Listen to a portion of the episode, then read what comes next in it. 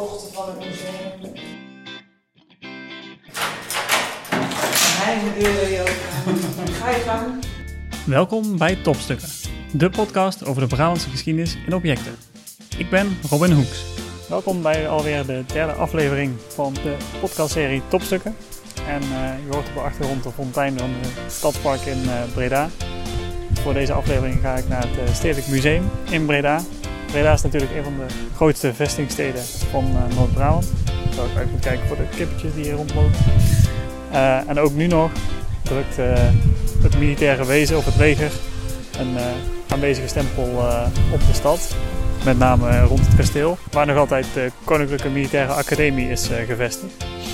Ik ben dus onderweg naar het Stedelijk Museum.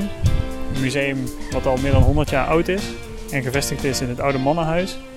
En dat Oude Mannenhuis heeft net de belegering van eh, 1624 tot 1625 niet meer meegemaakt. En ik noem die belegering omdat het eh, topstuk waar we naartoe gaan met die belegering eh, te maken heeft. Dit is een wandkaart van het beleg van Breda. Van, Het is een hele grote kaart. ja, wat is hier? Anderhalf meter of zo? Ja, ik denk dit Tegen is de twee misschien? 1,40 bij 1,20. Ah, oké. Dit is de stem van Monique Rakhorst, curator oude kunst van het Stedelijk Museum Breda. Ze heeft me net meegenomen naar het depot onder het museum, waar een oude kaart al op ons ligt te wachten. En er gebeurt ontzettend veel. enorm veel. Ook dankzij de, veel. dankzij de kleuren zie je enorm veel gebeuren. Maar Ja, maar ja, dat beleg van Breda dat heeft ook een maand of elf in totaal geduurd. Dus wat heeft de persoon gedaan die dit gemaakt heeft? Die heeft geprobeerd een heleboel scènes uit dat verhaal allemaal in één kaart te vatten. Je ziet de soldaten als mieren. Ja, hier op de voorgrond, eh, dicht bij ons zeg maar, zijn ze best wel groot en kun je echt de details zien. Maar hoe verder je de kaart opkijkt als het ware, worden het echt kleine miertjes. Ja, In- in dus je ziet hier die voorgrond is eigenlijk een soort inleiding op het verhaal. Maar hier zie je wat scènes in hoe dat dan ging tijdens zo'n beleg. En wat voor soldaten er allemaal waren en wat die allemaal deden. En dan daarachter zie je echt een kaart van de omgeving met een kenmerkende driehoek wat de vestingstad Breda is. Ja. En daaromheen de dorpen eh, die een belangrijke rol hebben gespeeld. Met dan heel breed om Breda heen een hele linie gebouwd door Spinola. Ambrogio Spinola was een veldheer in Spaanse dienst en afkomstig uit Genua. Zijn meesterlijke vaardigheden als belegeraar van steden kwamen goed van pas in de oorlog met de opstandige Nederlanden. Naast Breda veroverde hij onder andere de bevestingsteden Oostende en Groenlo. Het beleg van Breda was het hoogtepunt van zijn militaire carrière. Die op die manier eh, ervoor heeft gezorgd dat heel Breda werd afgesloten. En hiervoor zie je ze inderdaad ja, dobbelen. Wat zijn ze allemaal aan het doen? Nou, kijk, hier zie je degene die de kaart gemaakt heeft. Oh, hij heeft Dit- zichzelf getekend. Dat is Calo. En daarnaast staat Cantacalina. En de, de Calo is degene die de kaart dus helemaal heeft geëtst en heeft bedacht. Maar dat heeft hij gedaan met eh, adviezen van die Cantacalina. Want die Mhm. was betrokken bij die hele linie bouwen om de stad Breda heen. Dus die wist precies hoe dat allemaal in elkaar zat. En op hoeveel uur die steden of die dorpen uit elkaar lagen. En die heeft als ingenieur heeft hij dat mee bedacht. Dus de, de die- die, doen. de, die de, de maker heeft verteld hoe het er allemaal uitzag. Ja. Eigenlijk.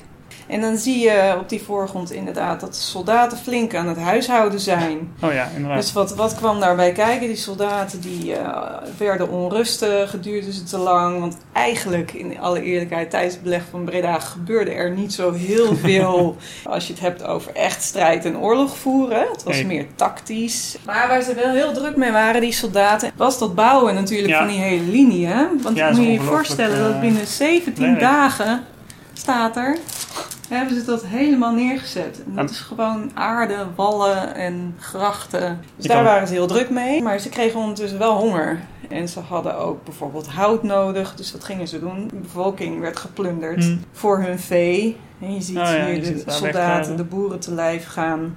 Een echtpaar met kindje dat op de vlucht slaat. Een soldaat die al klaar staat met zijn musket om ze neer te schieten. Hier achterin zie je een kampement Een zoals kampement, dat er ja. moet zijn geweest. En hier zien we dan de man waar het allemaal om draait. Eigenlijk dat hele beleg gaat over Spinola. Opperbevelhebber die dat hele plan heeft bedacht. Ik denk wel dat degene die deze print heeft ingekleurd een klein foutje heeft gemaakt. Hij heeft een blauwe sjerp om en de Spanjaarden hadden juist een rode sjerp. Blauw was eigenlijk juist van de oranjes van de, van de Nassau's van de Staatse. En hier zie je dan de Infanta Isabella, de landvoogdes, aankomen. De infante Isabella van Spanje was een dochter van de Spaanse koning Philips II. In 1598 trouwde ze met Albrecht VII van Oostenrijk. Het echtpaar kreeg van Philips II de zuidelijke Nederlanden als bruidschat.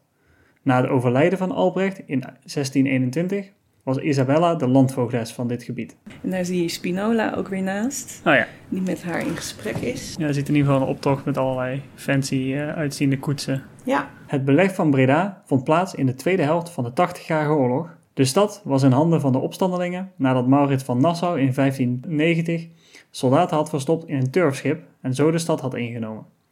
Pijnlijk voor de Spanjaarden natuurlijk. Bovendien hadden de Nassau's nauwe banden met de stad, die sinds 1403 als vrije heerlijkheid was bestuurd door voorouders van Willem van Oranje. Prestige speelde dus, naast de strategische ligging van de stad, zeker een rol bij het Spaanse besluit om Breda aan te vallen. Kijk, dat hele beleg was een tactische zet van Spinola om heel wijd om de stad Breda heen, Breda af te sluiten. En dan nog eens een paar keer dubbel, zodat hij niet zelf in de rug aangevallen kon worden. Om die stad af te sluiten, zodat Mhm. niks en niemand daarbij kon komen, waardoor je de stad min of meer uithongert. Dus op hele slimme wijze heeft Spinola die stad zo weten af te sluiten, dat hij die stad heeft kunnen veroveren zonder daar heel veel strijd voor te voeren. Hij heeft ook meerdere momenten gehad dat hij echt wel kon aanvallen. Hier zie je bijvoorbeeld een scène dat Maurits helemaal naar Maden is getrokken. En Maurits ging daar naartoe in de hoop dat hij door kon trekken naar Breda om Breda te bevrijden. Dat was hem ook bijna gelukt. Want Spinola die, die werd afgeleid door de Poolse en Zweedse koning die een kijkje kwam Mhm. nemen. De Poolse kroonprins Ladislas Vasa maakte in 1624 en 1625 een lange reis door Europa. Hij deed hierbij ook de Spaanse Brabantse steden aan, waarover zijn tante Isabella de scepter zwaaide. Hierna trok hij naar Breda om de kneepjes van het belegeringsvak te leren van Spinola. Het Spaans-Nederlandse strijdtoneel was in deze periode immers internationaal befaamd dankzij de grootschalige belegeringen en meesterlijke veldheren Spinola en Maurits. Het verhaal gaat dat Spinola als eresaluut aan Vaza de kerktoren van Breda wilde neerhalen met zijn kanonnen. Maar Vaza bracht hem, gelukkig, op andere ideeën. Dus je ziet helemaal rechts, daar zie je die, die koning uit. Polen en Zweden aankomen. en Spinola die was die man eh, even een rondleiding aan het geven. En die had eh, zijn halve leger naar hem toegezonden om hem op te halen. En ondertussen kon Maurits dus bijna doorsteken naar Breda. en kreeg Spinola net op tijd te horen dat dat gaande was.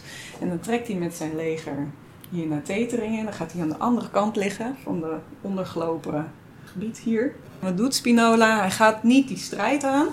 Hij denkt, ik heb al een sterke positie. Ik hoef dat niet te niks. doen. Ja. Dus als jij wil vechten, prima, dan kom je maar. Maar het is niet nodig, dus ik hou mijn manschappen gewoon gezond en bij me. Je ziet ze op de dijk daar wel vechten. Ja, dit is een latere scène. Ah, Dit is alweer later in het verhaal. Dit is Frederik Hendrik. ah oké. die Ja. helemaal aan het einde van het beleg toch een aanval Nog op laatste Teteringen. Mislukt ook. En dit wordt eigenlijk het ergste bloedbad van het hele beleg. Weten we iets over wat de, de gevolgen van de belegering in de stad zelf waren?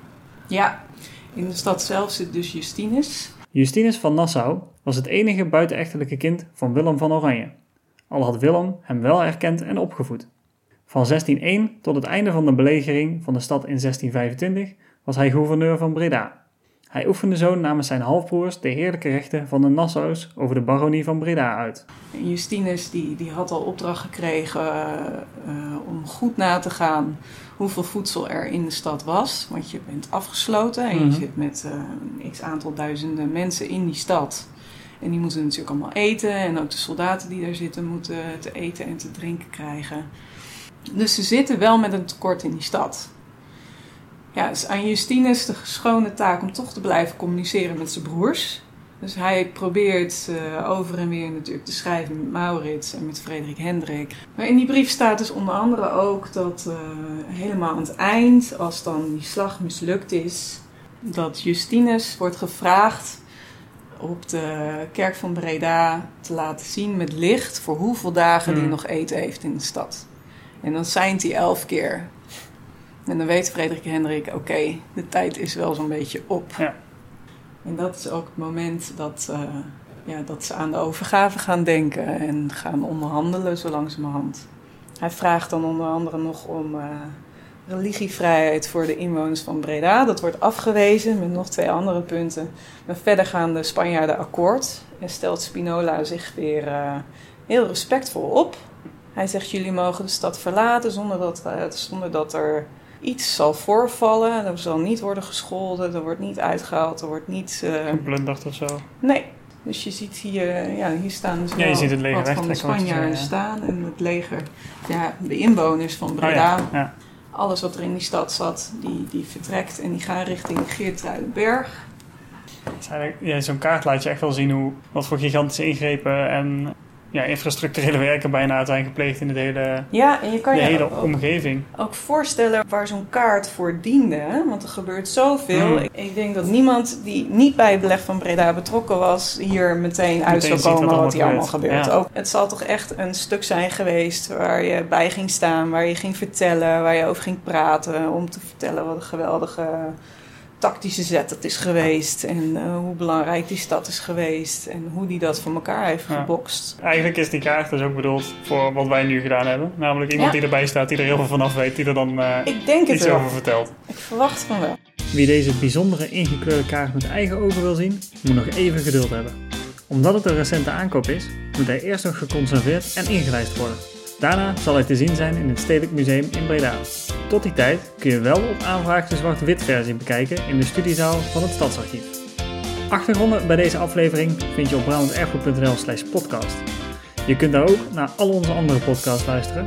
En als je je e-mailadres achterlaat op brabantserfgoed.nl slash nieuwsbrief, krijg je elke twee weken alle nieuwste artikelen van brabantserfgoed.nl vanzelf in je mailbox.